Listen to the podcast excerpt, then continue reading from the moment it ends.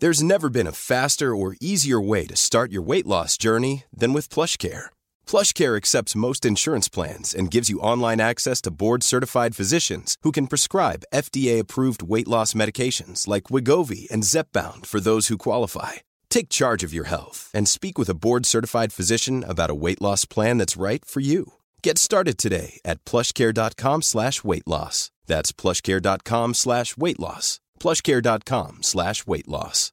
Imagine the softest sheets you've ever felt. Now imagine them getting even softer over time. That's what you'll feel with Bowl and Branch's organic cotton sheets. In a recent customer survey, 96% replied that Bowl and Branch sheets get softer with every wash. Start getting your best night's sleep in these sheets that get softer and softer for years to come. Try their sheets with a 30-night guarantee. Plus, get 15% off your first order at bowlandbranch.com. Code BUTTERY. Exclusions apply. See site for details. You should celebrate yourself every day, but some days you should celebrate with jewelry. Whether you want to commemorate an unforgettable moment or just bring some added sparkle to your collection, Blue Nile can offer you expert guidance and a wide assortment of jewelry of the highest quality at the best price. Go to BlueNile.com today and experience the ease and convenience of shopping Blue Nile, the original online jeweler since 1999. That's BlueNile.com. BlueNile.com. Ryan Reynolds here from Mint Mobile. With the price of just about everything going up during inflation, we thought we'd bring our prices down. So to help us, we brought in a reverse auctioneer, which is apparently a thing. Mint Mobile unlimited premium wireless. Have to get 30, 30, bit to get 30, bit to get 20, 20, 20, bit to get 20, 20, bit to get 15, 15, 15, 15 just 15 bucks a month. So, Give it a try at mintmobile.com slash switch. $45 upfront for three months plus taxes and fees. Promo rate for new customers for limited time. Unlimited more than 40 gigabytes per month. Slows. Full terms at mintmobile.com.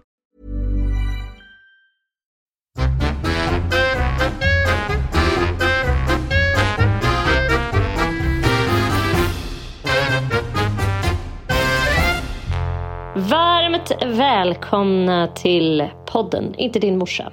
Med mig, Sanna Lundell och... Med mig, Ann Söderlund. Nu med en kanin i sängen. Vi, I morse vaknade jag av att jag kände att någon tittade på mig. Du vet, så skräckfilmsmanér. Jag bara... Då satt en liten kanin på typ bredvid mig som var så här, kände sig lite ensam. Ja. Kom ihåg, du berättade eh, när du hade köpt Howdy att du kände för första gången så här, okej, nu ska jag ta den här lilla hundvalpen från sin mamma när den är så här liten och bestämma att, den ska vara, att jag ska vara mamma till den. Och så kan jag känna lite också med, med, med djur överlag. Jag tycker att det är svårt att säga, jaha, nej men nu ska du sitta i den här buren eller vara i det här huset som jag har bestämt. Han bara, du vet, kolla på mig och hoppade över huset. Jag var så här, ja, du kunde hoppa upp där. Okej, hej då. så blir han ju hungrig, då kommer han. Ibland vill han vara inne, då kommer han också. Liksom. Jag, jag tycker det är svårt det där. Men kaniner kan ju alltså bli så sjukt eh, tama och intelligenta och välja att vara mig själv. Och jag, så här, min typ av djurfilosofi har blivit eh, genom åren eftersom jag har varit besatt av husdjur ända sedan jag var ett litet barn. Och eh, ju äldre jag blir desto mi- mindre kan jag gå med på kontraktet att människan liksom äger djur och tilltvingar sig eh, både omsorger, kärlek och eh, empati liksom, genom tvång, koppel, stänga in, bura in och så vidare. Så att, mm, jag vill gärna att mina djur ska få leva så fritt som det bara är möjligt och att de kan få så stor valfrihet i umgänget som möjligt. Och det är lite grann så när man tar en djurunge från dess mamma så tar man ju över kontraktet mamma-barn. Liksom. Det är ju därför vi får valpar eller kaninungar eh, och ungföl och, och så. Och så kan vi prägla dem väldigt hårt på oss. Liksom. Det ligger ju någonting i det för att vi, och till en början så måste man ju gå emot djurets instinkter och stänga in dem och hålla dem fångna för att de inte ska vilja fly ifrån oss. Vi är ju liksom ett rovdjur. Du kan ju tänka dig en kanin. De har sina ögon på sidorna av huvudet. Så kommer du, ett så stort jävla rovdjur i deras ögon. De ser ju bara två stora så här rovdjursögon som stirrar på dem. Och så våra händer som ska... De har inga händer, de klappar ju inte på varandra.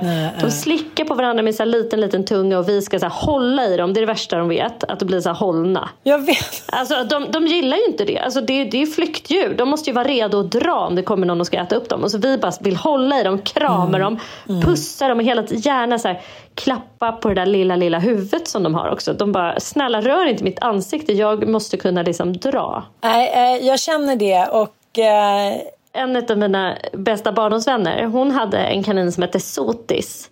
Som hon hade alltså helt fritt. Han bara sprang på deras tomt och han kom in som en katt. Hon hade skapat en sån relation med Sotis som hon dessutom, han var ju vuxen när hon köpte honom. Jag vet inte, hon fick ta över någon, av någon människa. Och han var alltså som en katt. Han kom och gick när han ville, kom in och sov på nätterna och sen var han bara ute i skogen. Alltså precis som en utekatt. det är kanske är det jag måste göra. Ja, bara du har liksom koll på att han kommer hem och äter ibland och sådär. Ja, men, men han, är, alltså, han dyker ju upp lite då och då men man märker att syrran känner sig ensam. ja. Mammas kolvas. Ha, vad har hänt sen sist? Lilibeth har kommit till världen. Ja. Jag tycker, alltså jag, ända sedan jag plöjde The Crown så känns det ju som att det brittiska hovet är ens bästa vänner. Ja. På något sätt, det är mina kusiner nu som har fått ett barn. Du bara, de har inte skickat någon bild från Så BB. jävla sjukt att man liksom inte ens har fått se bebisen än. det kanske är tråkigt. Mycket tråkigt. Lilibeth, så gulligt namn. Så otroligt gulligt namn, men också ganska provocerande att de bara så här tilltvingar sig en plats i den royalistiska, vad ska man säga? Ja, typ- Högsta Ja, hierarkin. Högst, högsta Ja. hierarkin. Fast de har liksom abdikerat och suttit hos Oprah och så pratat ut om deras rasism som driver hela kungahuset. Alltså Ja. Jag tycker det här är så jävla smaskigt egentligen. De Vad liksom... är grejen? De bara, Nej, nej, men- hon ska heta inte bara drottningens namn utan också ett smeknamn. Ja. Vilket är så här, nej men man använder liksom bara smeknamn inom murarna. Det är ingenting som man gör utåt. Men det, nej, de, de ska liksom om, omkullkasta allt. De har gjort det till sin livsuppgift. Eller om det nu är Meghan som driver det här. Jag tycker det verkar som att Harry har typ gått med i Meghan-sekten och bara så här, jag är äntligen befriad från min förra sekt. Nu är jag inne i min nya sekt och då ska liksom allt det som jag kommer ifrån och har stått för ska så raseras. Och så ska vi bara leva the American good life och så här, glida runt i en Beverly Hills-villa och eh, Han är hjärntvättad. Vi måste rädda honom, vår kusin. Från hjärntvätt nummer ett till hjärntvätt nummer två. Det här tycker jag är jävligt intressant. För det är väldigt sällan, tycker jag, som man ser omvänt, en liknande liksom, historia. Att så här, det är en man som eh, får en kvinna att, så här, eh, att lämna allt, att eh, liksom, ja men att gå emot sina kanske liksom, eh, familj, liksom fa- familjevärderingar. Och, utan det är liksom killar. De står inte särskilt starka när de blir kära. Ursäkta uttrycket. Och eh, det är därför också, du vet att jag är lite orolig att jag inte har någon dotter. Att, så här, tänk om inte jag kommer överens med mina svärdöttrar. Då kommer jag så här, sitta ensam och bitter på ålderns höst och så här, dricka te och äta typ knapra lyckopiller. Nej, jag vet inte, men det, det, Ja, det känns lite som att det finns någon... Eh, han verkar inte ifrågasätta det hon står för. Förstår du jag menar? Han verkar tycka att hon, allt hon känner tycker allt är rätt.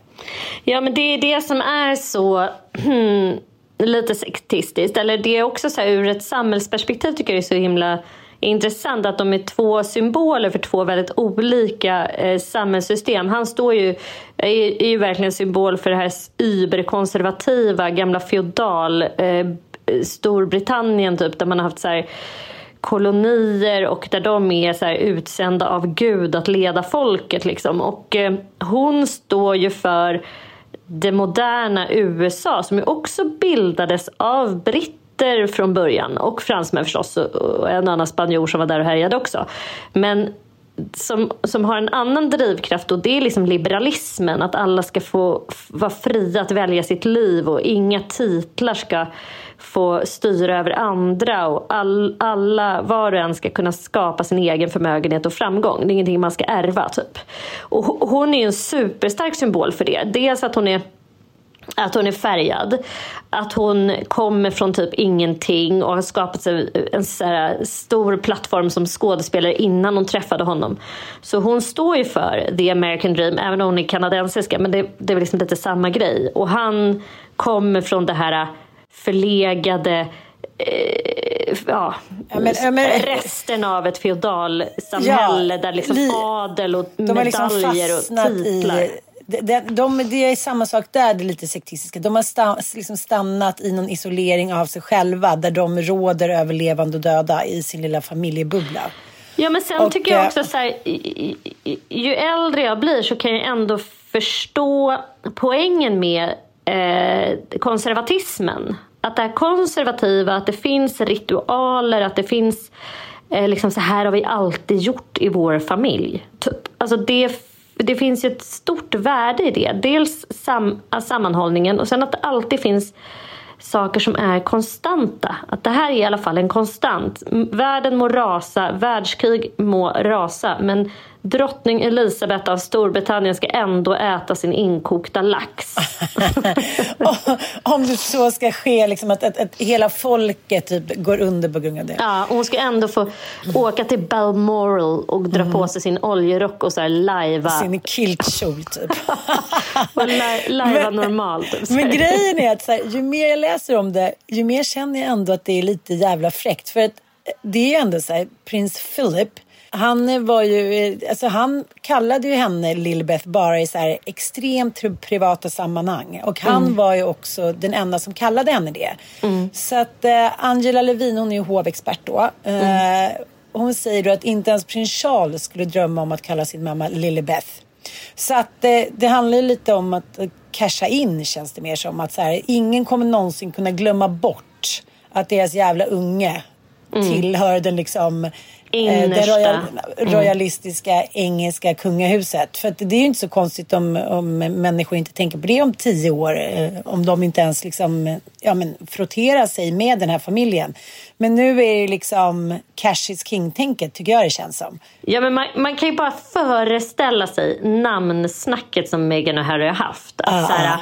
Ja, vad har du för namn i din familj? Typ så här. Ja, men det är de här, de här. Så bara, ja, men vadå? Elisabeth? Men det heter ju också min storebrorsas unge, så det kanske så här, vi kanske inte kan ta det nu när vi också ligger lite i fade. Så. Ja, och så, Det känns lite väl typ. Men, och Diana är ju givet efter mamma. Ja. och sen bara kommer, kommer Meghan över, typ, hon har typ själv kollat på The Crown och bara Men Lilibeth, det är asgulligt! Och så kallar vi henne för Lilly. Det blir Ah, skitbra. Fan vad bra. Men han bara, Ja. men du, jag vet inte, farmor kanske inte gillar läget. Så här. Men vad skit i det. Alltså, hon verkar Ja, bara men vadå? det skiter vi. Vi går till Oprah. Jag är en egen individ. Jag får bestämma själv över mitt liv. Jag tänker inte bry mig om de där gamla dammiga reglerna typ.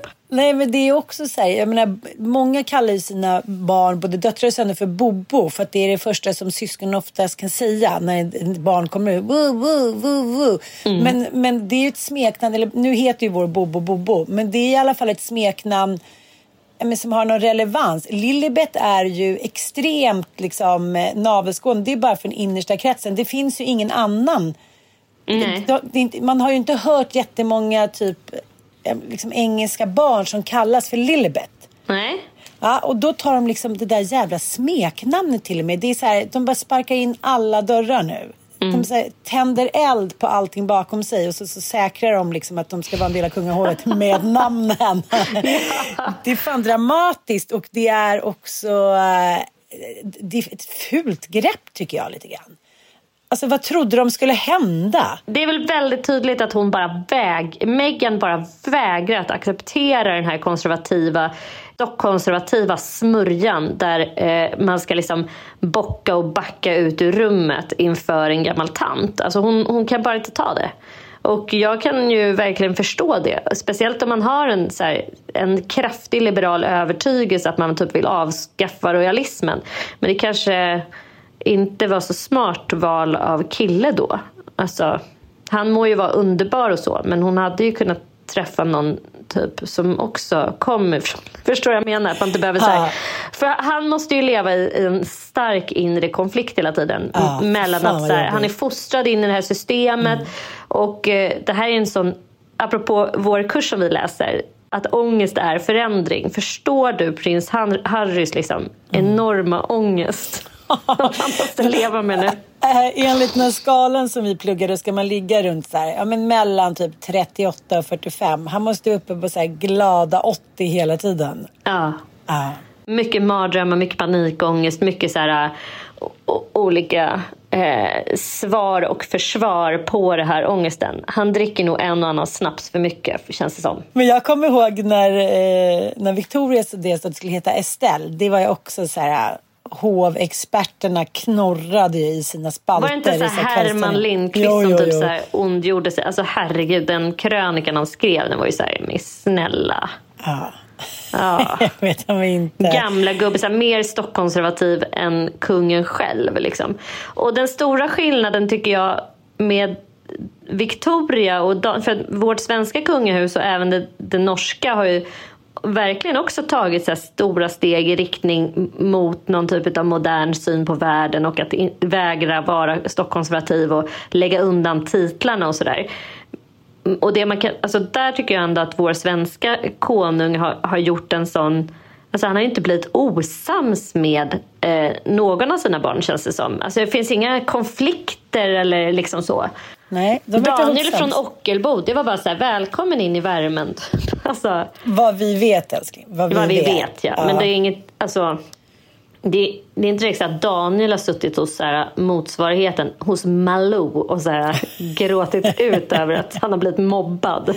Nej, det- skulle, det skulle kännas otänkbart. De är fortfarande så här, de är väluppfostrade och har inte gått emot sina föräldrar. Samtidigt som de har det. Jo, men inte på liksom, de har ju aldrig pratat skit om dem eller sagt nej. Och även då när, när knugen, när det liksom blåste kring honom med den här boken som Camilla Henmark skrev om att, eh, att de hade haft en relation under flera år och att han hade gått till prostituerade så här. Eh, det var också, eh, jag menar att, att de slöt upp. Det var inget liksom, ingen som eh, yttrade sig om det. Men då kan jag bara känna så här, om det hade varit min egen pappa och det hade kommit fram och sen så här, nästa middag, typ familjemiddag, man bara okej köris, kanoners, du hade så jävla dålig stämning där hemma. Herregud. Ja, jag vet inte, jag har aldrig konfronterat någon av mina föräldrar med någon form av otrohet men det måste ju vara helt vedervärdigt. Jag har en kompis vars pappa liksom använde henne som bundsförvant i sina otrohetsaffärer. Lite så här, ja men eh, jag ska iväg här och träffa en tjej så här. Här har du lite pengar, kan du köpa dig något gott liksom. Så här, "Åh, Säg inget till mamma typ. Man bara, jaha okej. Eh, det som vi har pratat om innan också, ett klassiskt sätt att få barn att känna sig betydelsefulla, att ge, delge dem hemligheter, var det än nu må vara. Men eh, ja, alla föräldrar känns ju inte som att de skulle klara så här barnkörkortet direkt. Men det, jag vet inte heller om, om otroheter. så här- Alltså jag, jag ser en serie nu. Från det ena sektistiska till det andra här nu. Som heter Stiesel. Har du hört talas om den här? Nej. Stiesel är en serie som handlar om en ultraortodox eh, judisk familj. eh, Just ja, nu som vet jag vilken det är. bor i ett kvarter i Jerusalem. Och de är ju från början typ litauiska judar tror jag. De tillhör ju då eh, en, en superkonservativ form av liksom, ortodox judendom eh, där hela deras liv kretsar verkligen kring relationen med Gud och det är liksom böner till höger och vänster och eh, allt de gör handlar om att eh, blidka Gud mer eller mindre. I alla deras mellanmänskliga relationer också. De, de kör ju då med arrangerade äktenskap. Så att de inte ska gifta sig med en goj, alltså icke-jude. Eh, och alltså den här, det här är ju apropå eh, så här slow tv. Eh, I Stiesel händer det väldigt lite för att i ultraortodoxa judars liv händer det extremt lite. För det enda de gör är typ så här ber, går till rabbis, rab, alltså olika så här ju, ultraortodox judiska lärosäten där de s- studerar Tora och liksom, de tjänar typ inga pengar, för det, de behöver inga pengar för det enda de ska göra är att studera Tora hela tiden. Det och lite ska, pengar. ja, det, Och sen ska de ändå liksom ta hand om barnen då. Eh, alla kvinnor förstås. Mm, Eh, Så, men jag är, jag är liksom blivit helt indragen. Jag tror att det är för att den har en sån lugnande inverkan på mig. Att eh, det händer väldigt lite, det är väldigt långa, långsamma scener och sen är det liksom Ja, men, apropå det jag sa tidigare här med det här konservativa, att det är väldigt tryggt. Alltså det skapar en väldigt trygg ram för människor. Alltså, det här är det som förväntas av dig. Det är så här du ska leva ditt liv efter de här reglerna. Och eh, när du är så här gammal då blir det bar mitzva. Och då ska du liksom börja på något judiskt typ lärosäte om du är pojke och flytta eh, och gå på internat där. Alltså det är så här extremt uppstruckat liv eh, efter religiösa regler. Så jag kan verkligen förstå att människor eh, ser en enorm relief i att så här, ingå i ett sånt där förutbestämt system. Och speciellt unga människor, det är ofta de som också eh, går in i sektistiska rörelser. Att så här, du står i en eh, västerländsk kultur där du är fri att välja allt själv men det kan också bli en stor plåga för dig. Att så här, vet inte, du har stor massa valångest och får extremt mycket existentiell ångest att du ska skapa din egen lycka och skapa ditt eget liv och alla de här valen hänger och helt och hållet på dig och du har stort ansvar över det. Och så här är det liksom andra människor och typ människor från tusen år tillbaka via religiösa regler som bestämmer vad du ska göra. Ganska skönt. Jo, men, men jag, jag förstår vad du menar. Men, men det känns ju lite som att om, om du ändå tycker om att titta på den här serien, då är det lite så här att att du känner ändå att det som binder dem samman är någonting positivt. Även om du tycker att det är konstigt med alla de här religiösa liksom, grejerna som de håller på med hela tiden. Så känner du så här, jag fattar varför de gillar att leva i det här. Ja, och jag förstår att det som är fint med den här serien, det är att den många serier som handlar om religiösa eh, rörelser eller väldigt så här, hårt. Alltså det kom en annan eh, serie som handlar just om en om chassider-judar i New York och den var ju helt fasansfull för där ja. får man ju se hur, ja men du, du och jag, jag såg den och bara, ja. men den mm. var ju så här, den hade ju verkligen en tydlig vinkel att man ville skildra det som var dåligt med det.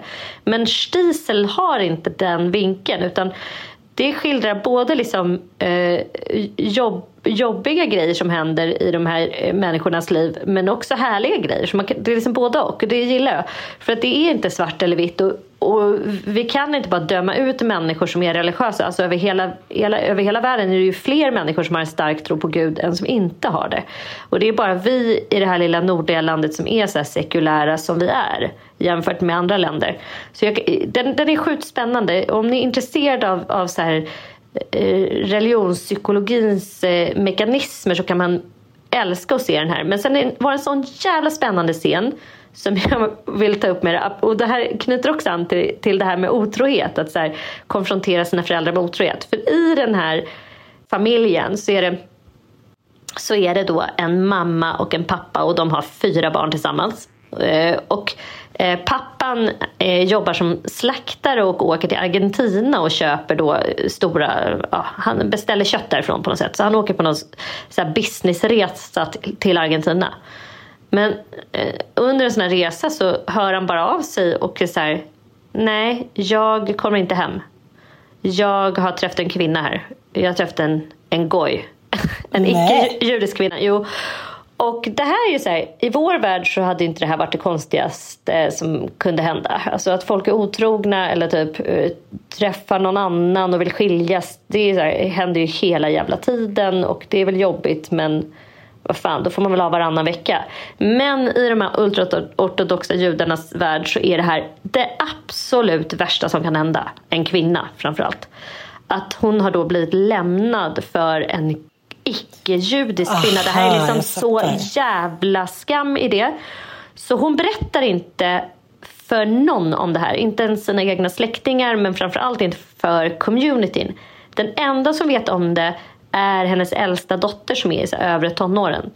För hon måste liksom be henne om hjälp. För hon måste ju börja försörja sig själv och börja då liksom växla Jaha, pengar. Så, så de håller det hemligt att han, typ, han bara fortsätter ja. vara på sin businessresa? Han, han, är på businessresa och det är mycket nu. Och han är, har varit i Argentina ett halvår men han måste vara där säkert ett tag till. Så här. Med hoppet om att han ska ändra sig och ko komma på bättre tankar. Liksom. Och då i alla fall så eh, så gör han ju det. Så han hör av sig efter tre månader och bara Hej, jag vill komma hem nu. Så här. Och eh, mamman är ju så här, hon har ju sån existentiell kris och så mycket skam och så mycket så här, men hon inser liksom att i eh, omgivningens ögon så är det bästa som kan hända att han kommer hem. För de tror ju bara att han har varit på businessresa. Liksom. Mm, jävligt länge. Ja, men så hon går till en rabbin eh, som lever i en annan stad för hon måste bolla det här. För hon ha, kan inte stå ut med att han nu har legat med en ligga icke-jude. Och hon ska ligga med honom igen. Och de har ju det här systemet så att de bara knullar med varandra typ två gånger i månaden. Typ. Alltså, och, och, och då ligger tjejerna, ska tjejerna bara ligga ner och ta emot. Ja, och de har ju så här skilda sovrum, eller de ligger liksom inte i samma säng och sånt. Ja, hur som helst, så hon går till den här rabbin. Och då svarar han henne på ett sånt jävla sjukt sätt. För han, alltså, det är också väldigt spännande med så här judisk filosofi. Att så här, hon bara, ja det här har hänt. Han åkte till Argentina och han har träffat, liksom, ja, inlett en relation. Då, då ställer han henne en massa frågor. Så här, är det här någonting du har sett med egna ögon? Nej. Är det, har du pratat med den här gojen? Nej. Okej, då är det här bara ett antagande. If you're looking for plump lips that last, you need to know about Juvederm lip fillers. With Juvederm Volbella XC and Juvederm Ultra XC, your lip look, whether it's subtle or bold, can last up to one full year with optimal treatment and no additional maintenance. Find a licensed specialist and see if it's right for you at juvederm.com today. That's J U V E D E R M.com. Add fullness to lips in adults over 21 with Juvederm Volbella XC or Juvederm Ultra XC. Do not use if you have severe allergies or a history of severe allergic reactions, or if you're allergic to lidocaine or the proteins used in Juvederm. Tell your doctor if you have a history of scarring or taking medicines that decrease the body's immune response or that can prolong bleeding. Common side effects include injection site redness, swelling, pain, tenderness, firmness, lumps, bumps, bruising, discoloration, or itching. As with all fillers, there's a rare risk of unintentional injection into a blood vessel, which can cause vision abnormalities, blindness, stroke, temporary scabs, or scarring. For full important safety information, visit juvederm.com. When you're ready to pop the question, the last thing you want to do is second guess the ring. At Bluenile.com, you can design a one of a kind ring with the ease and convenience of shopping online. Choose your diamond and setting. When you find the one, you'll get it delivered right to your door. Go to Bluenile.com and use promo code LISTEN to get $50 off your purchase of $500 or more. That's code LISTEN at Bluenile.com for $50 off your purchase. Bluenile.com code LISTEN. Hey, I'm Ryan Reynolds. Recently, I asked Mint Mobile's legal team if big wireless companies are allowed to raise prices due to inflation. They said yes. And then when I asked if raising prices technically violates those onerous two year contracts, they said, What the f are you talking about, you insane Hollywood ass? F- So to recap, we're cutting the price of Mint Unlimited from $30 a month to just $15 a month. Give it a try at mintmobile.com slash switch. $45 upfront for three months plus taxes and fees. Promo for new customers for limited time. Unlimited more than 40 gigabytes per month. Slows. Full terms at mintmobile.com. Hey, it's Paige DeSorbo from Giggly Squad. High quality fashion without the price tag. Say hello to Quince. I'm snagging high-end essentials like cozy cashmere sweaters, sleek leather jackets, fine jewelry, and so much more. With Quince being 50 to 80% less than similar brands. And they partner with factories that prioritize safe, ethical, and responsible manufacturing. I love that. Luxury quality within reach. Go to quince.com slash style to get free shipping and 365 day returns on your next order. Quince.com slash style. Det. Det här kanske inte är sant. Din Okej. man, när man befinner sig i en existentiell kris och är på andra sidan jorden, då kan man bli väldigt förvirrad. Så allt det här kan ju vara som en dröm. Som du har drömt, typ. Så hon bara blir så tröstad av den här rabbin, alltså hans tolkning av den. här. Han menar liksom att du kan inte gå på hörsaga av en förvirrad stackars man i ett annat land som lever utsatt. Så, här. så då, då blir hon så tröstad i det och går in så hårt i den här förnekelsen. Men hennes dotter vägrar att köpa det här bullshitet. Liksom. Ja, det är väl klart. Det är klart. Så dottern är så här helt förtvivlad och är också så här, vad fan. Eh, så hon börjar trycka upp affischer och sätta upp. Ja, det, det är en, jag ska inte spoila hela storyn men det här är en, en drivande del i, i eh, hur två olika personer väljer också att tolka eh, en situation. Antingen förnekelse, också med tanke på vår utbildning vi går, liksom, när man utsätts för en kris. Att vissa bara, åh gud vad skönt, jag går in i förnekelse. Vi låtsas att det här är en dröm. Ha, vilket... ja, jag fattar. Jag och dottern är så här, hon bara har ett sånt behov av att analysera och prata om det och lyfta upp det på bordet. Och pappan när han väl kommer hem, för han kan inte komma hem förrän hans skägg har vuxit ut. Ja, han har rakat sig. Han har rakat sig och liksom velat så här, ja men du vet, köra på lajva typ västerlänning. Så att eh, han måste ju vänta, så det tar ju ett tag innan han kan komma hem när skägget är utvuxet och lockarna är på plats igen. Ja, men gud, det tar ju hur lång tid som helst. Ja, det tar verkligen sjukt lång tid. Okej, så att han är nu kvar där och väntar på och hon tänker att han är bara där och liksom krisar. Så att han kommer hem lagom till det där har vuxit ut. Det blir bra, säger du? Ja, precis. Ja, ja. Och han får ju då existentiell kris av att vara tillbaka när han har smakat på frihet och, och eh, så att säga eh, the, the modern life. Så han är inte glad heller när han kommer tillbaks. Nej, ja, det är spännande. Ja, men Ett det är så- tips till er alla. Gå in om ni vill se lite slow tv, eh, hänga lite grann i så ultra-ortodoxt judiska eh, miljöer. Så kan ni gå in där. De pratar också genomgående hebreiska och jiddisch i hela serien. Fantastiskt. Nej, men jag tycker att det där med otrohet, jag vet inte om, om... Jag har ju liksom ingen evidens för det här, men det känns ju som att det var lite galnare med den öppna otroheten när vi växte upp. 70-80-talet och så. Jag kommer ihåg vi bodde liksom ja, i ett radhusområde och eh, en dag så gick då mammas kompis man, han tog sin väska och gick över gatan och flyttade in hos en annan kvinna i radhusområdet. Det där hörde man ju lite då och då. Även eh, en eh, kille som du och jag jobbar med eh, har ju varit med om det. Att, men att hans föräldrar har bytt partners med dem i, i radhuset mitt emot. Alltså de tog var sin partner. Man liksom bara korsklippte de två partnerserna. Man bytte med varandra liksom. Fräscht. Superfräscht. Men idag skulle ju det när allting ska vara så jävla perfekt och alla ska ha så vackra hem och alla ska ha snygga barn. Så här. Idag skulle ju det vara en sån white trash-skam. Om det skulle vara så ja men då Bettan bara gick över, liksom, gick över med sin lilla väska och flyttade in hos Lennart. Det skulle ju vara så här, en skandal. Det är klart att sånt händer här i Brommalandet också har man hört. Men då blir det ju en sån otrolig snackis. Så kände inte jag att det var då. Då var lite så här, jaha, nu är Bettan jätteledsen liksom. Men okej, livet går vidare typ. Eller är det, en, är det en feltolkning av mig? Eh, Ja, men vi hade också så här, ofta så var det ju kanske, ja, men vi bodde ju liksom ett litet villasamhälle och där det var liksom en och annan vild, ganska alkoholdränkt fest. ja, ja. Och här kunde man ju då som barn bevittna saker som de vuxna så trodde att vi inte riktigt hade koll på.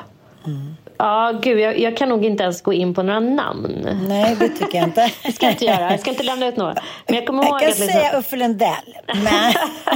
Nej, men bland annat en, en kompis till mig, hennes mamma som var ensamstående som då eh, helt plötsligt så bara kom vi på att hon hade en eh, relation med eh, mina brorsors polares pappa som var gift eh, och hade en jättegullig fru.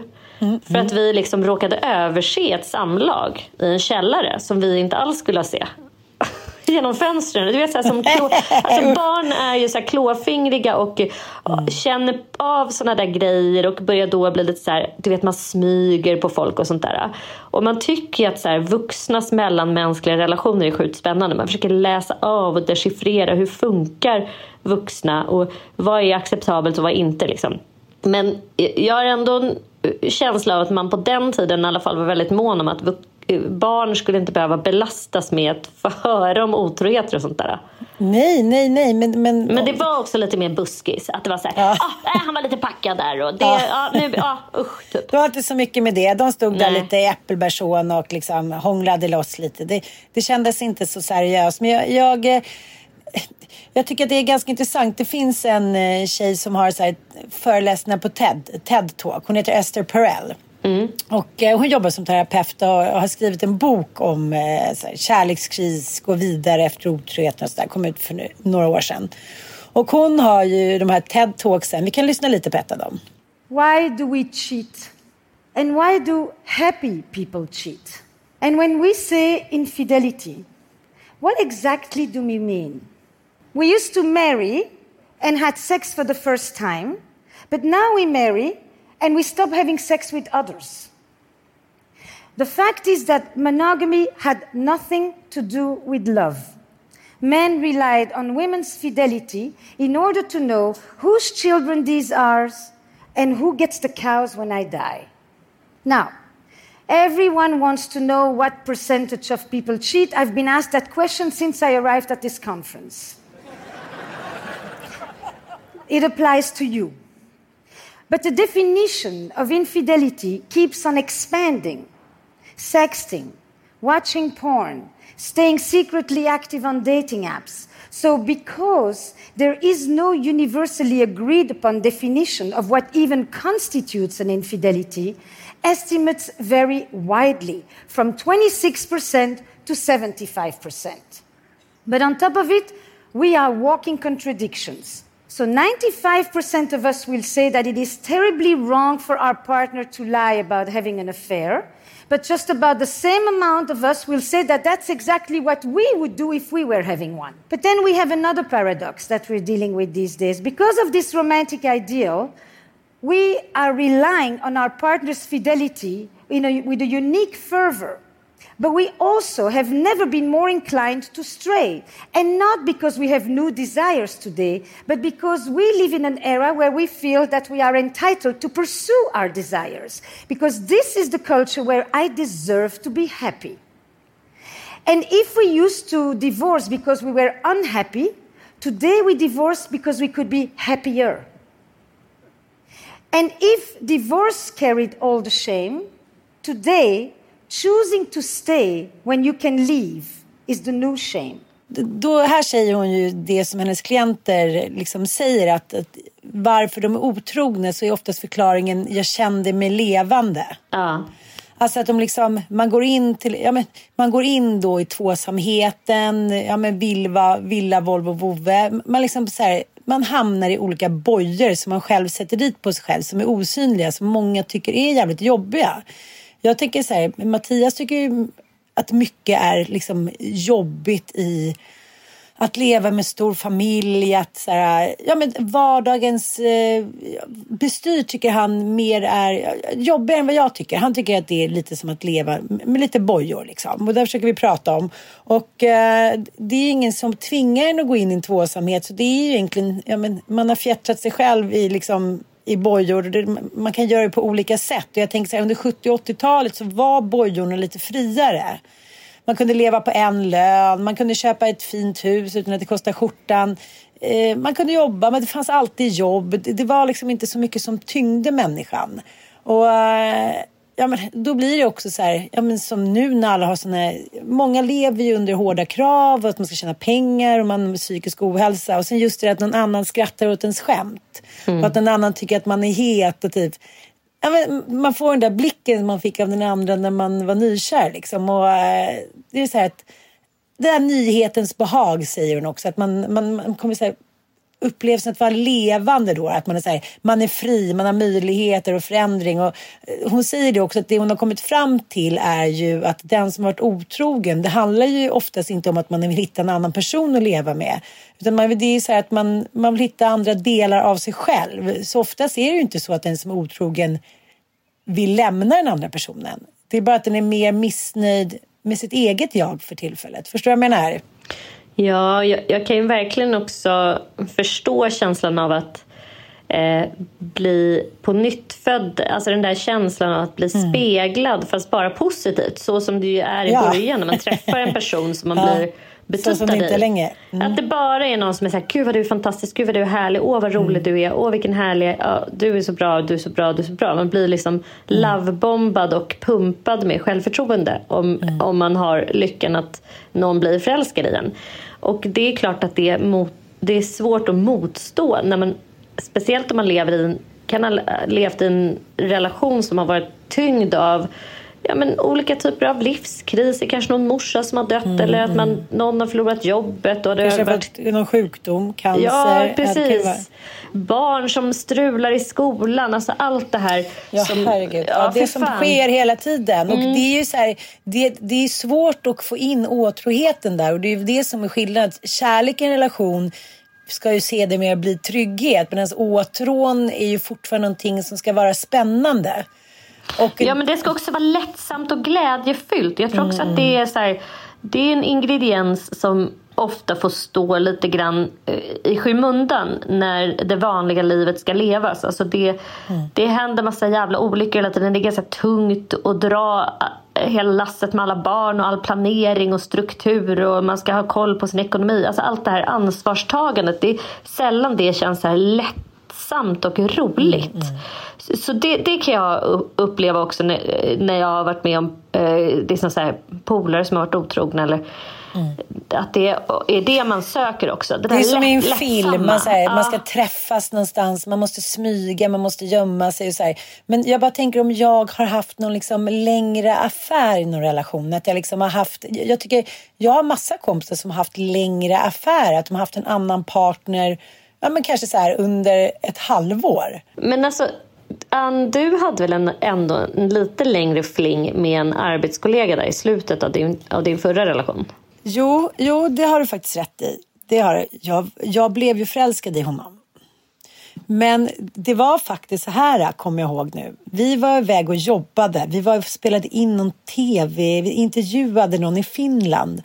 Och eh, jag kommer ihåg att han sa till mig att han ville inte ligga med mig så länge jag hade en relation. Men, men jag menar, var går gränsen då? Liksom, allt det andra då, det, det räknades inte, eller? Nej. Ja, Nej. Och eh, det här var ju verkligen på slutet av den här relationen och jag kommer ihåg att jag träffade honom ute på krogen. Och eh, jag hade en så stark attraktionskraft i den här människan. Jag har aldrig varit med om det förr eller senare. Det var som att han var magnetisk för mig. Det är så här, jag, jag kommer ihåg att jag såg honom och kände så här. Nu springer du. Nu vänder du på klacken. And you run Forest run. Det skägget där nere i alla fall börjar växa. men, men jag kunde inte det. Och vi, vi tog in på hotell. Och båda rätt så här blariga och liksom, ja, höll väl på där hitan och ditan. Och så vaknade jag på morgonen och bara hade sån jävla ångest. Och bara så här, gud vad är han? Då hade han dragit. För då hade han fått ångest. Eh, för att han tyckte då att, ja, att det, här, det var inte bra att vara otrogen när jag var i en relation hit och dit. Och vi jobbade ihop. Han var mycket yngre. Äh, men det blev liksom eh, lite som i Kärlek och anarki fast utan det härliga. Har du sett Kärlek och anarki? Nej. Då, där har ju huvudrollsinnehavaren en fling med en kille på jobbet. Och eh, de försöker stå emot där men nu i senaste avsnittet så hade de, var de på bokmässan. Och eh, det är så snyggt gjort att så här, ja, då har de tagit några drinkar och sen ska alla då gå hem och lägga sig i sina rum. De har rummen mitt emot varandra. Och eh, ja, hej då, hej då. Och så du vet den där sista tvekande sekunden när det är så här, ska någon säga någonting eller ska vi gå in tillsammans? Så går de in i varsitt rum så ser man hur han är så här, ja, men, det Eh, liksom, han kan inte hantera sin, eh, sin åtrå till henne och hon är så här, vad fan händer nu? Inte hon, är, hon börjar ta direkt fram så här, små snapsflaskor och bara, ah, ah, ah. hon måste liksom stilla den här djuriska åtrån och eh, så var det faktiskt här också. Att jag, men då kom jag ihåg att jag blev så jävla förbannad på honom. Då ringde jag upp och sa så här, hur fan, först ligger du med mig, sen när jag vaknar, då har du dragit. Det var fan det vidrigaste du kan göra. Jag var riktigt stark där, jättestark, hade själv varit otrogen typ. Sen tog det ju slut någon, eh, ja, några månader senare och vi träffades några gånger och sådär. Men, men det blev ju aldrig någonting och nu såg jag att han precis har blivit pappa. Ja. Och han är inte så snygg längre heller så det var bra. det där kan ändå vara lite så här Sex and the City-känsla. Att man har någon fling som det aldrig riktigt blev någonting med. ja, men jag hade ju också en sån fling när jag var ihop med eh, eh, Olgas pappa. Ah, Ja. kommer det fram. Nu kommer det fram. Ja, då hade jag också en... Men det, det var inte otroligt. Alltså det beror ju helt på också hur man definierar otrohet. Och jag tycker att det är värre liksom när man är helt känslomässigt besatt av någon. Än att man kanske ligger med någon. Och jag var ju verkligen känslomässigt besatt av honom. Och- Och för mig var det så tydligt en verklighetsflykt. För det var ju... Det hade liksom börjat skava i vår relation. Och framförallt så handlade det jättemycket om min oförmåga att... Eh, att liksom Ja, men jag var i den där åldern. Jag hade, jag, mitt liv ble, blev ju liksom lite förskjutet eftersom jag fick barn när jag var 21 och gick in i en så nära vuxenrelation när jag bara var 19 år. Så jag fick ju liksom aldrig leva mina så tonår och adolescensår mm. när man famlar sig fram och testar liksom olika grejer. Och så, här. så det där kom ju... Jag pratade faktiskt med Mickes mamma som också fick barn när hon var ung. Hon bara, nej men jag, mina tonår kom ju när jag var 27. Mm, mm. När, när Micke var liksom nio år började klara sig själv och för mig var det liksom lite likadant. Att så här, det var där när jag var 25, 26. Det var då jag bara hade ett sånt jävla så här, frihetsbehov att jag bara ville ut och så här, smaka på världen på något sätt. Och kararna. Smakade gott. Men då Men... hade jag ju en, alltså herregud jag var så besatt och jag var så attraherad av honom eh, framförallt. Och jag minns att jag var så här, jag sa det till honom vid något tillfälle, jag bara om jag senare i mitt liv ska gifta mig, liksom, då kommer jag typ ringa dig och träffa dig. Om jag fortfarande är så attraherad av dig, då vet jag att det är fel kar jag har valt. Liksom. För jag, jag kan inte riskera att så här, för evigt i alla mina relationer kunna vara otrogen. Bara så fort du dyker upp i bilden. Jag fattar, jag fattar. Så. Men har du eh. träffat, eh, om, jag, om det här jag är den personen. Jag träffar honom då och då. Ja, jag med. och nej, det, det har svalnat kan man säga. Nej, jag, jag har inte alls samma men alltså det var ett tag eh, som det kändes som att han var en så här glödhetssol. Du vet, jag blev helt stum. Jag kunde inte äta när jag var kring honom. Alltså det var en fysisk upplevelse av eh, attraktion och så här, passion så att jag också blev helt dum i huvudet. Vet, så det var en bra grej. För att man orkar liksom inte bli en så sämre version av sig själv. Man bara, men gud vem är jag? Jag kan typ inte prata eh, Nej, men det är, kan Då är det som att man blir man sjuk. Där måste, då är någon som, det var någon som skrev så att man borde vara sjukskriven de tre, fyra första månaderna när man blir så där förälskad. För man blir ju riktigt dum i huvudet. Alltså det går ju typ inte att jobba. Nej men man kan liksom inte göra någonting ingenting. Man är bara som en degklump i hjärnan. Mm. Och så här, har så högt eh, stresspåslag fast det är härligt. Men man är ju ändå så här, blir supersmal och bara så här, helt väck. Ja, och du vet den där hela tiden den inre stressen. Där kan vi snacka om att stressvariabeln är uppe på 793. Man bara säger, jaha, ska jag springa nio mil? Okej, okay, men nu sprang jag nio mil. Vad ska jag göra nu? Men det finns ingenting som inte är jobbigt. Och den enda känslan som jag kan jämföra med det, det är att ha en nyfödd bebis. Man bara säger, jag har sovit ja. en minut på 365 dagar, men jag, oh happy shining, looking good. Mm. Rosig och glad och komma på, det är lustigt. Alltså, det, det, är den enda känslan som jag kan jämföra med. Men jag tycker att det är konstigt att, så här, att det fortfarande är så svårt för människor att förstå att så här, samtiden utvecklas men det är fortfarande att man tror att man ska gå in i en relation. Sen behöver man liksom inte göra något åt den. Den ska bara så här, ja, det är lite som en kaktus. Den ska bara så här, överleva utan vatten eller någonting. Mm. Uh, och uh, så är det ju inte liksom. Och uh, till slut så blir man ju då om, om man inte ja, men vattnar sin lilla kaktus så blir det ju som hon säger då, den här Esther Perel. Det finns fyra dödssynder enligt henne då. Likgiltighet, förakt, våld och försummelse. Och, eh, De där tre första känns ju så givna men jag tror ja. att den fjärde, alltså försummelse, mm. det kan jag känna att jag ägnar mig åt själv i ja. min relation. Att man är så här lat. och bara Verkligen. Här, äh, vad fan. Ja. Alltså man, man, man blir en latmask som hellre ligger och kollar på stisel än så här, mm åker och köper fem ostron och eh, försöker skapa någon liten happening. Alltså, ja. ja, jag vet. För det är så här, till slut, eftersom man har den här tryggheten då, alltså till slut så blir man bekväm. Man orkar liksom inte riktigt så här, klä sig i raffsättet och så här, träffa mig vid eh, Östra Under udden. Men grejen är att det här tycker jag är så konstigt. För med mitt ex mm. så var jag nästan så in i det sista. Ja, det var hotellrum och det var små lappar så här. Vi möts på Grand Hotel klockan 15. Och även när jag var så gravid så kunde jag stå så här stay up. Så jag hade fixat och jag kunde skicka små bud med så här kungakronor och små dikter. Så här, Snart är din födelsedag. Titta ut. Nu kommer en limousin. Alltså, liksom, det fanns, ingen, det fanns ingen hejd på hur mycket det betydde för mig att vår relation skulle hållas levande.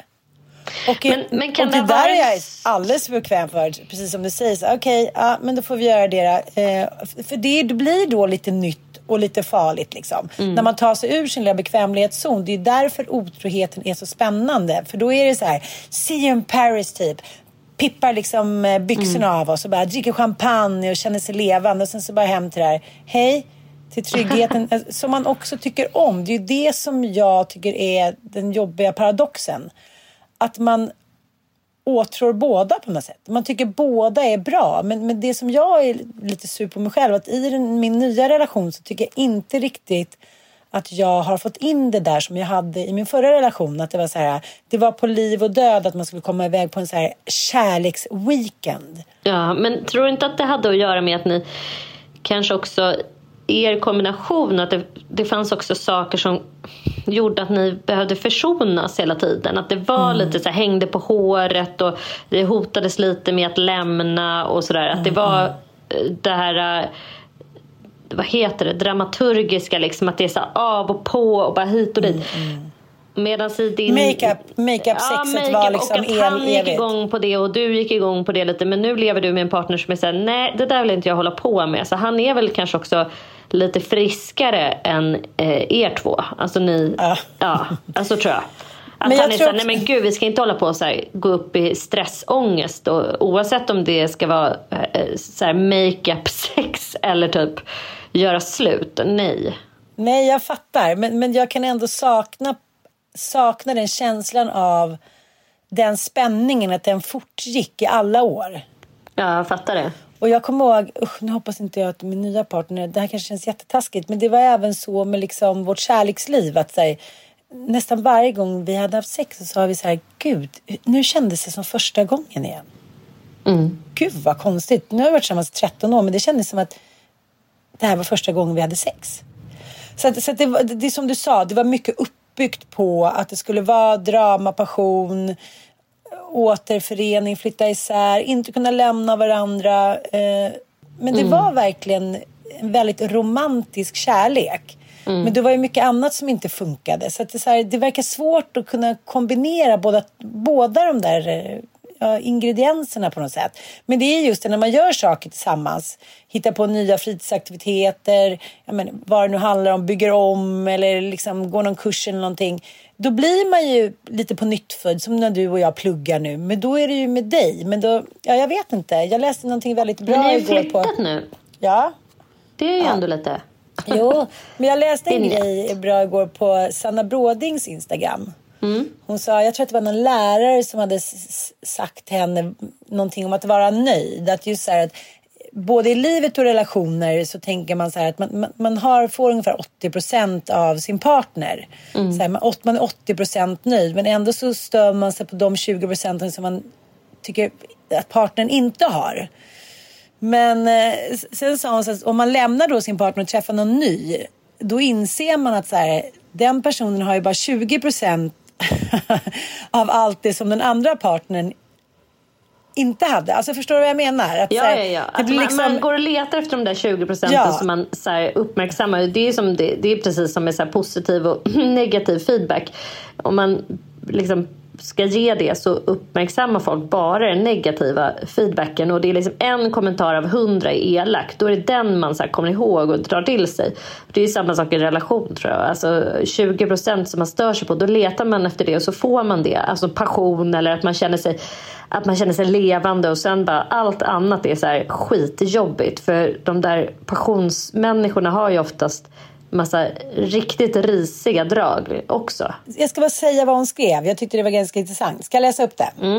När jag gick i högstadiet så minns jag hur en föreläsare kom till oss. Jag minns inte exakt vad ämnet handlade om. Jag minns tydligt en tes som han pratade om. Tesen 80-20. Just då handlade det om relationer. Att det vi har tar vi ofta för givet. Vi lever med den där personen i en relation som har 80% av allt det vi önskar. Och i de prövande stunderna så saknar vi de där 20 procenten extra mycket. Och då är det lätt att söka efter de där 20 någon annanstans. Om jag bara har de där 20 så kommer allt vara löst. När du sen träffar en person som har just de där 20 som du saknar så känns det plötsligt i stunden som att den personen har 100. Eftersom de där 80 har vi redan tagit för givna. Det är först när de där 80 försvinner som du ser att du står kvar med enbart 20. Och då ser du faktiskt först, ja då, först, då först ser du faktiskt allt du hade.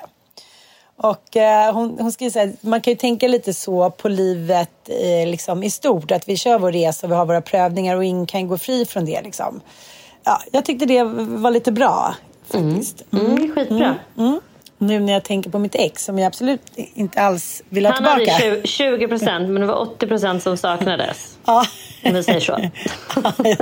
jag tror faktiskt det. Men på lördag så ska vi ha, eh, kommer han hit här på studentfesten. Det gör han. Så det, han har osat via sin son. Så det får vi se hur det kommer gå.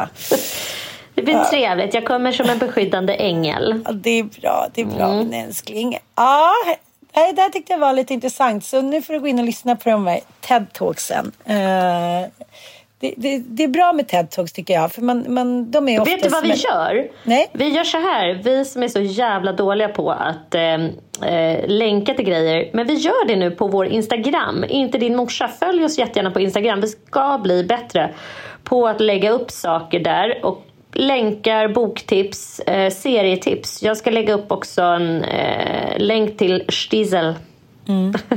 Mycket bra. Och jag ska lägga upp Esther Perel. Men eh, det, jag, jag, jag tänker också att så här, första gången man själv var otrogen eller någon har varit otrogen mot en, det var ju sånt hårt slag. Liksom. Men Eftersom man, man levde, jag, jag levde verkligen i mitt, min förra relation i, liksom, fortfarande kvar i drömmen om att jag skulle vara den enda för honom. Mm. Det var verkligen så här, ja nu har ju vi skaffat barn och han innan då, ja, otroheten och det började komma in i bilden. Men så var det nästan som att vi båda var otrogna mot den andra för att vi liksom kände så här, nej men nu får vi göra slut på det här. Det här liksom eviga lidandet. Vi bara tyckte att vi gick omkring med... Vår relation var bara som en jävla lång Golgatavandring efter ett tag. Liksom. Och då kommer jag ihåg när jag råkade gå in på hans dator och se det, den texten då som eh, tjejen som han hade varit då i Malmö och varit otrogen med eller försökt enligt honom själv. Att jag kunde nästan inte se det på riktigt. Alltså jag kunde inte, det var lite som du berättade om att så här, kanske var det bara en illusion. Kanske hade han bara varit i Malmö och krisat och drömt att han hade varit med den här spännande tjejen. Och hon var så jävla spännande och hon hade ja, hon var veterinär och hon var så kulturell och hit och dit. Och det, det, var, det som störde mig allra jävla mest var att hon var så olik mig. Hon hade så här kort svart page, blek, kulturkläder. Jag var så här, jaha. Alltså det var mer sånt, inte att det var själva otroheten i sig utan det, att jag blev nästan som att jag såg en film. Jag blev nästan lite så upprymd. Kommer ihåg att jag ringde till komikern Karin Adelsköld och bara läste upp det där som att det nästan var ett manus. Ja. Det var liksom det var så konstig känsla. Jag kunde liksom inte ta till mig att det var på riktigt på något sätt. Nej, jag, jag håller med. Jag har också varit med om en, när jag har liksom så kommit på en så här, uh, otrohet. Alltså herregud, jag blev helt galen. Jag kommer ihåg att jag tog en deodorant och bara slängde på ehm, Personen. personen i fråga. Alltså inte, i, inte tredje parten här utan Nej. den som hade förrått mig. För det är ju den där starka känslan att bli förd bakom ljuset. Ja, att någon ja, är du så här, kastade hej på jag tycker det här är tjejer." lite trå... Nej, nej, nej, nej, utan på min då partner som hade förrått mig. För jag, tycker, jag är sällan arg på den tredje parten. Många blir så här, gud det är liksom hennes eller Nej, hans nej, fel. nej, jag är så här, Nej, nej, nej. nej, nej. Det här är min partner som är, så här, är en jävla pussy och inte vågar göra slut och ska börja så här, ha kakan och äta den typ. Mm. Men er tror att jag är så jävla korkad så jag inte kommer på det här. Så det är en, en enorm känsla av att man känner sig förrådd och att man också så här förlorar respekten för någon. Att jag tycker att så här, vad är det här för jävla som sagt pussy som inte har, har stake nog att så här, göra slut eller uppmärksamma att vi faktiskt eh, har en pissig relation eller vad det nu är som gör att man vill eh, ut ur den. Så en enorm ilska och en enorm också sån här lite skamkänsla faktiskt också. Att man känner så här att eh, jag känner mig att jag har känt mig korkad som typ har blivit förrådd. Aha, jag jag har ju någon slags idé om att, man, att jag är så omnipotent och kan se igenom väggar och eh, Ja, liksom läsa andras tankar och så. Så det, det händer inte mig för att jag Nej. Aha, har du, koll, kände dig typ. liksom, du kände dig, kork, du kände dig korkad. Att jag känner mig förrådd. Liksom. Dina, liksom, Ja. dina häxvibbar hade ja, har dött. svikit mig. jag fattar. Den jäveln, han är inte ens smartare än vad jag är. Ändå har han liksom fört mig bakom ljuset. Det var verkligen. inte snällt. Nej, det var, det var Eh, fan inte okej att jag skulle få känna mig inte bara förrådd utan också korkad och så här, ej i kontakt med mina häxvibbar. du är narcissist älskling, nu är du narcissist. Absolut. Alla narcissistiska drag, det vet ja, vi. Det vet, det vi. vet vi. Ja, vad spännande då. Men, men hur förlät, förlät du honom? Uh, ja, det, det gjorde jag efter många... Nej, men vid båda tillfällena som jag har blivit förrådd och kommit på det, då har jag ju temporärt lämnat och gjort slut och bara, nej men det här, det funkar ju inte. Det är ju också som man säger och det låter ju alltid så tråkigt, men det är verkligen ett bevis på att man har en kackig relation. Och det hade vi ju, det var ju liksom inget snack om saken. Det var ingenting som jag var så här, hur kunde han? Vi som har det så underbart. Det var ju inte så. Utan nej. nej, det var liksom i, i, ingen nyhet. Jag tyckte mer att det var så här, men gud du får ju för fan ta och så här, du, du kan inte ha kakan och äta den. Och ska det någonsin bli bra mellan oss så kan du inte liksom vara otrogen. Nej men då får vi faktiskt lämna varandra. Så vi har ju också lämnat. Det här är ju alltså min nuvarande relation. Ja. Vi nämner inga namn dock. Vi kan ju faktiskt bli anmälda för förtal. du och jag får gå ut på gatan och skrapa upp pengarna. Vi bara... Ja. Äh, men, och det, jag, menar, det, det är ju, jag, jag, jag, kan tänka mig, jag vill liksom inte ens jämföra mig själv med människor som har blivit förrådda i så stabila relationer. Du vet den här typen av dubbelliv. dubbelliv. Så har det ju aldrig varit. Det här har ju verkligen inte kommit som någon nyhet. Det har varit liksom, vi har ju haft en jättekaotisk och sorglig relation som har varit kantad av både obehandlad bipolär sjukdom och missbruk och liksom en extremt instabil person på den ena sidan och en annan djupt medberoende person då på min sida som inte haft förmåga att ha en, en sund och bra kärleksrelation där man kan förvänta sig tillit och växande och, och mänskliga möten liksom som, är, som leder till bra grejer. Utan ja, nej, det, så var det. Men vi har ju förlåtit varandra nu och jag tror att en, en stor del av det har handlat om att så här, välja tillit Eh, för det är ju väldigt svårt för par att hitta tillbaka till varandra och hitta tillit igen. Mm, eh, mm. För att man så här, är livrädd för att det ska hända igen och man går och ältar det där och så kanske man försöker igen men så tar det slut efter något år i alla fall för att man liksom mm. inte riktigt känner att det liksom... Ja, jag fattar. Jag fattar. Men, men, känner du tillit nu då? Ja, jättestor tillit. Ja. Och mina det... häxvibbar är på igen. För jag har nämligen hört rykten på stan. Nej, absolut inte. Nej, jag, jag tycker det är så svårt. Jag tror att man kan reagera så jävla olika i olika relationer och från gång till gång. Uh, och just det där att... Jag kan ju säga så här. Jag har ju jobbat i hemtjänsten och i äldrevården. Så många eh, äldre människor som man träffade som liksom var par. Eh, hade varit gifta i 50-60 år. Mm. Men alla de vittnade ju om att nej, men det var när han var otrogen och när vi var 45 och då hade han livskris. Och så här. De pratade om det här som att det var så här, roliga anekdoter. Det var i, alla, de hade bara helt och hållet kommit över för länge sedan. Och det, det var liksom ingenting som... Jag tror många som blir bedragna de får ju tillfället en sviktande självkänsla och såklart, ett, såklart. Ett, eh, att egenvärdet på något sätt tillfälligt sänks. Mm, och statusen mm. såklart. Att så här, aha, min status som kvinna den, den eh, förlorade helt plötsligt eh, massa att, poäng på skalan. Ja, typ. och, men jag tror även män. Alltså, men män, män också, ännu värre. Så här, va? Mm. Jag, den stora karakaren liksom. Jaha. Mm. Ja, uh, Ja, men den är ju aldrig kul. Men, men hos de här gamlingarna kan jag säga att eh, det, det var liksom absolut ingenting som låg kvar och skräpade utan de pratade om det som att det var galna grejer som hade hänt i deras ungdom. Och eh, min mamma har ju eh, ett par som blev ett par när de var 16 och de är fortfarande gifta. Och de, jag menar, jag kommer ihåg vid något tillfälle när de tyckte att vi var vuxna nog och man så satt och drack lite vin och lyssnade på Bob Dylan och hade någon sån där lång natt och satt och snackade och då berättade de att de båda hade varit otrogna till höger och vänster massor med gånger. Det var liksom ingenting som de la någon större vikt vid. Och så, är, så kan jag känna också när jag tittar tillbaks på det som har hänt. Att så här, nej, det är ingenting som definierar mig som människa eller som gör att jag känner mig sämre nu så här, i, i, liksom med eftertanke när jag är 43 år. Alltså, kan du känna det när du blev bedragen att du fortfarande har liksom ett sår inom dig efter det? Nej, alltså förlåt Nej. men...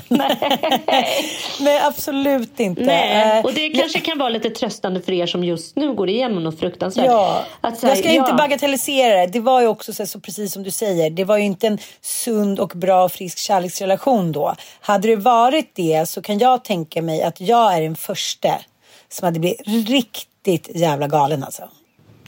Ja, alltså Mm. gud, jag tror också så här, alltså förstå om man var i en skör situation. Alltså jag tänker på så här, det finns en bok som är skriven av en holländsk snubbe. Den är helt fantastisk. Den handlar om, och det kallar, vad fan är den heter? Jag kommer inte på det, men hur som helst, Slotten är en självbiografisk roman där han berättar om sitt eskalerande sexmissbruk när hans fru insjuknar i bröstcancer. Just det, just det. Just det. Ja. Och den här har ju, det har skrivits en uppföljning på den och han är så här holländsk reklamare som bara berättar om att hans sätt att hantera sorgen och ångesten över att hans fru är sjuk det är att liksom dels börja gå till prostituerade men sen också att inleda en relation då med en, en ung kvinna. Eh, och liksom det sista hans fru säger typ innan hon dör det är att han, hon viskar i hans öra så här älskling liksom, så att du måste ta tag i det här för att du kommer bara göra dig själv olycklig om du fortsätter på det här viset. Och, eh, alltså hon hade inte tid och alltså hon, det var på något sätt som att hon hon gav honom den där trösten. Alltså hon dömde inte honom i sin sjukdom. Hon fattade att han kan inte hantera sitt liv och den här ångesten och den här smärtan på något annat sätt än att utagera på det här viset. Wow, för fan vad storsint. Ja, sjukt storsint. Alltså hon är så storsint när hon ligger döendes. Liksom. det är så bisarrt.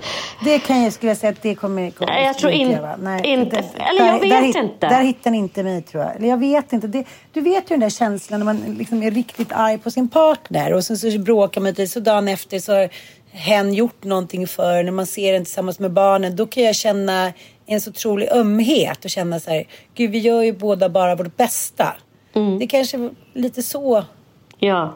Förstår du vad jag menar? Ibland beror ju kan om man inte har, annat. Nej, men det, det beror också om man har en historia av att det har varit en schysst människa, en god människa som man har liksom haft en nå- bra kommunikation med, som har visat en kärlek innan. Är liksom ett arsle som fortsätter vara ett arsle, då känner jag så här, nej men då kan jag lika gärna ta brödkniven och uh, skära av pitten och göra en Lorena Bobbitt. Så att det där handlar ju mycket om ens förhistoria tror jag. Så det, det gäller ju liksom att hålla sams med sin snubbe om man skulle bli sjuk tycker jag. Verkligen. Ja.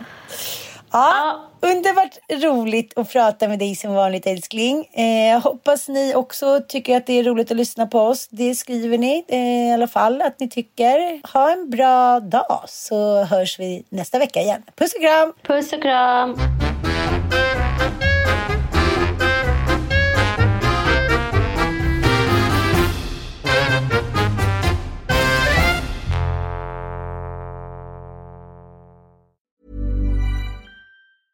Mom deserves the best, and there's no better place to shop for Mother's Day than Whole Foods Market. They're your destination for unbeatable savings, from premium gifts to show-stopping flowers and irresistible desserts. Start by saving 33% with Prime on all body care and candles. Then get a 15-stem bunch of tulips for just $9.99 each with Prime. Round out Mom's menu with festive rosé, irresistible berry chantilly cake, and more special treats. Come celebrate Mother's Day at Whole Foods Market. Hey, it's Danny Pellegrino from Everything Iconic. Ready to upgrade your style game without blowing your budget? Check out Quince. They've got all the good stuff shirts and polos, activewear, and fine leather goods, all at 50 to 80% less than other high end brands. And the best part? They're all about safe, ethical, and responsible manufacturing. Get that luxury vibe without the luxury price tag. Hit up quince.com slash upgrade for free shipping and 365 day returns on your next order. That's quince.com slash upgrade. Mom deserves the best, and there's no better place to shop for Mother's Day than Whole Foods Market. They're your destination for unbeatable savings, from premium gifts to show-stopping flowers and irresistible desserts. Start by saving 33% with Prime on all body care and candles. Then get a 15-stem bunch of tulips for just $9.99 each with Prime. Round out Mom's menu with festive rosé, irresistible berry chantilly cake, and more special treats. Come celebrate Mother's Day at Whole Foods Market.